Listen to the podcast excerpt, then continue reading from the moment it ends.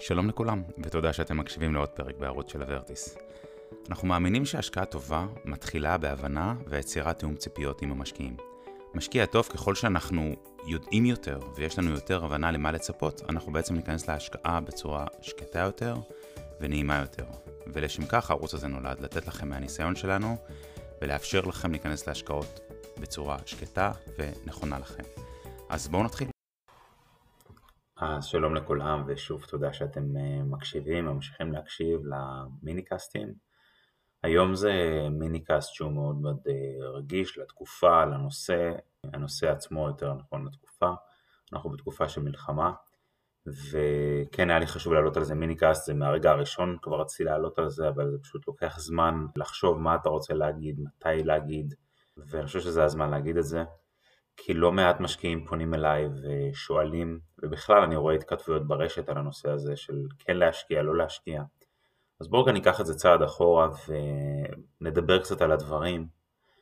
נתחיל מזה שברגע שקרתה הטראומה של השביעי לאוקטובר, אני חושב שלפחות מי שאני דיברתי איתו ואני חוויתי ברמה האישית סוג של לא בא לי לעשות כרגע כלום, לא בא לי לא לקנות, לא בא לי למכור, לא בא לי להתעסק בזה, זה הרגיש לי כל כך לא במקום, סוג של צביעות, לא, לא בסדר ולא נכון לעשות את זה. ואז עובר זמן מסוים, והזמן הזה שעובר בעצם אנחנו כאילו כאזרחים, כ, כבני אדם, אנחנו פתאום חוזרים לשגרה ואתה בעצם מבין שהשגרה זה לא השגרה שאנחנו רגילים אליה. ויש בעיות ופתאום אין עבודה ויש משברים כלכליים ואתה אומר רגע יש לי אני חי באי ודאות ובינינו הרבה אנשים שוכחים את זה, אנחנו מאוד אוהבים מסגרת, אבל אין באמת ודאות בשום דבר, כן? זה הכל הערכות ודברים שאנחנו רגילים אליהם. ואז אתה אומר, רגע, אז מה אני עושה עכשיו? איך אני כן אה, עושה משהו שהוא צעד שהוא נכון? ולא מעט משקיעים פנו אליי ולא מעט משקיעים שקנו, גם בתקופה הזאת ועדיין קונים, ואנחנו בעצם נכנסים לתקופה שה...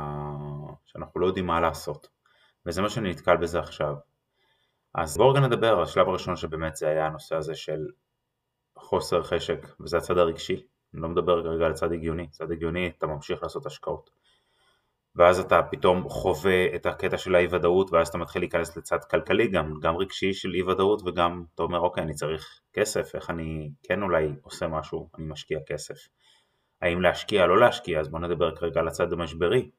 יש נושא של משבר שהוא כלכלי, בין אם זה אנחנו כאינדיבידואלים, חווים שפתאום אין מספיק הכנסות או דברים פוגעים בשוק, נפגעים בשוק, ואנחנו חלק מזה והמדינה כרגע לא עוזרת. יותר קשה לשלם, אז אנשים באים ופונים אליי, רגע הדולר גבוה מאוד, אולי זה הזמן עכשיו להשקיע, אבל בעצם פשוט גבוה, גבוה מאוד, אז אני ממיר את זה עכשיו לדולרים, אז זה לא כדאי לי. אז האם זה נכון עכשיו לעשות את זה, אולי שווה לחכות? אז אני יכול להגיד, וזה הרבה מכירים את המשפט הזה שתמיד אנחנו שמים Don't wait to buy real estate, buy real estate and wait. וזה ממש נכון, זאת אומרת, תקנה נדל"ן ותחכה. ומי שקונה נדל"ן והוא לא סבלני, אה, אני לא ממליץ לו לקנות נדל"ן.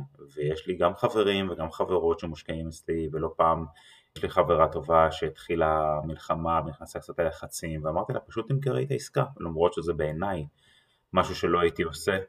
ואני חושב שהיא תעשה הרבה כסף בזה שהיא לא תמכור, אבל בגלל החרדתיות הזאת אני מאוד מבין את זה, זה הצד הרגשי, זה לא הצד ההגיוני. צריך להבין שהשקעות בנויות תמיד משני רבדים, צד עסקי וצד רגשי. ברגע שיודעים לשים את הצד הרגשי בצד, אז בצד העסקי אתה יכול תמיד לעשות כסף, ובלונג טרם זה תמיד נמדד בתקופה הזאת, אתה בדרך כלל עושה כסף טוב והצד הרגשי נרגע, אבל זה לא תמיד קל להתמודד עם זה ואין פה נכון לא נכון. אז בוא נדבר קצת על הצד הזה, אז אני כיזם, ואני חושב שהרבה אה, יסכימו איתי, בעיקר היזמים זה, אנחנו לא מקבלים את המילה לא או שעכשיו זה זמן לא מתאים. אין כזה זמן לא מתאים, זה הכל עניין של מה האלטרנטיבות, מה האופציות, למה אנחנו משווים את זה. זאת אומרת, הדולר גבוה, האם זה נכון? לא, אם אתה מתייחס כנטו על דולר, אז אני יכול להגיד לכם, לפני שנה הדולר היה הרבה יותר נמוך, זה יותר נכון להשקיע. מצד שני, אם אני מביא עסקה שהיא טובה, והיא משמעותית מתחת למחיר השוק, אתה אומר, אוקיי, עדיין יש לי מקדם ביטחון. אבל בואו נדבר גלוי, האם מחר לא יהיה משבר כלכלי ופתאום המחיר ירד ואז אני לא יכול לעשות רווח, זה גם יכול להיות. אפשר גם להפסיד כסף, זאת השקעה, יש בה סיכוי ויש בה סיכון. כן אני יכול להגיד שמי שמתנהל בצד ההגיוני של הדברים, והוא לא לחוץ, אז בדרך כלל כשיש משבר אתה לא ממהר לעשות פעילויות. בואו נדבר גם על הצד האמריקאי, גם, גם להם לא קל, אל תשכחו שהתחילה הקורונה ואחרי הקורונה היה לנו את האינפלציה, והאינפלציה השפיעה על הרבה דברים, אם זה יצר איזשהו אה, משבר כלכלי, וזה יצר על בעיות, בעיות של תשלומים, זה תמיד מתחיל מהמעמד הגבוה ולאט לאט זה יורד למטה. אז גם אנחנו חווינו טיפה האטה במציאת דיירים, קצת יותר אביקשנים מהרגיל, אביקשנים זה הוצאת אה, דיירים או דיירים שיוצאים או שלא משלמים, בתי משפט שלא עובדים באותה מהירות שאנחנו רגילים שהם, שהם עובדים, אז כל הדברים האלה נלקחים בחשבון, אוקיי? זה יוצר נטל על כל המערכת בעצם, וכל המערכת עובדת יותר לאט. ואז אנחנו כמשקיעים, אתה אומר, רגע, אנחנו משווים את זה למה שהיה, אולי זה פחות טוב, אולי זה הזמן למכור.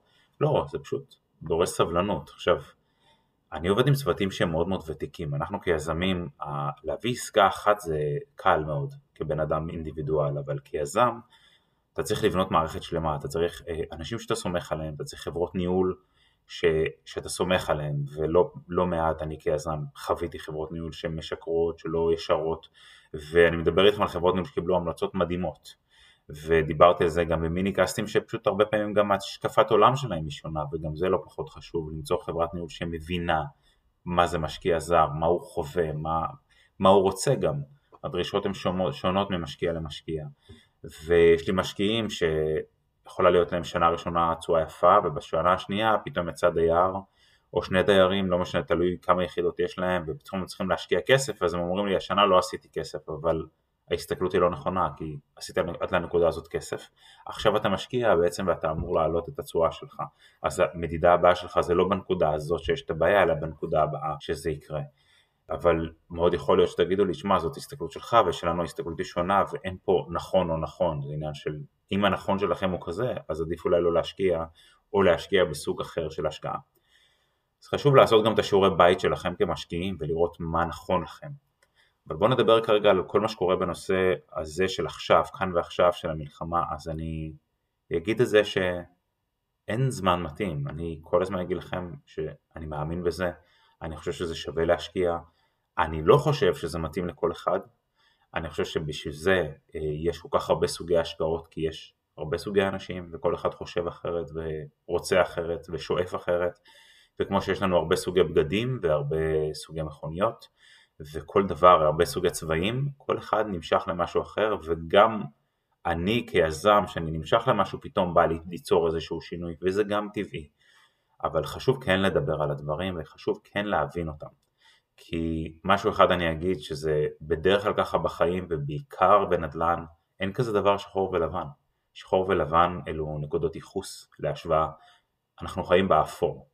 לצערי, סליחה שאני אומר את זה ואני בן אדם שכאילו הייתי שמח אם היה יותר שחור ולבן אבל אני חושב שהאפור, שם אנחנו נמצאים, זה הרבה אי ודאות ואני אגיד את המשפט הזה שאנחנו מכירים אותו, שכבר זה history והעתיד זה mystery ובשביל זה אנחנו חיים בהווה וזה הפרזנט וזה כאן ועכשיו.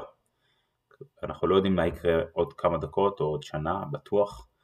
אנחנו יודעים מה היה בעבר ואנחנו יכולים ללמוד מזה, אבל כיוון שהעתיד הוא עדיין מסתורי אז אנחנו לא נדע לאן זה הולך, אנחנו נשענים תמיד על הערכות ומנסים תמיד למנוע בעיות בעתיד.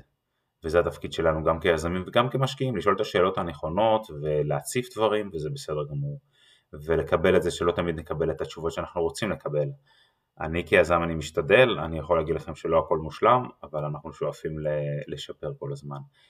אז זהו, זה מה שאני יכול להגיד, שתשקיעו חבר'ה, זה חשוב בעצמכם, בכלכלה שלכם, תלכו ליועצים של אה, פנסיות וכל הדברים האלה, יש המון המון סוגי השקעות, אני כן ממליץ להשקיע ולהתקדם קדימה ויש עוד, עוד הרבה אלטרנטיבות, גם מבחינת השקעות, מבחינת ההלוואות, למקסם את הכסף, זה תמיד לשאול אותנו כיזמים ולהתייעץ איתנו ואני מקווה שעזרתי לכם, אה, תמשיכו להיות חזקים, אני חושב שיש לנו עם מדהים ואנשים טובים ומקווה שזה, שזה ילך למקום טוב יותר.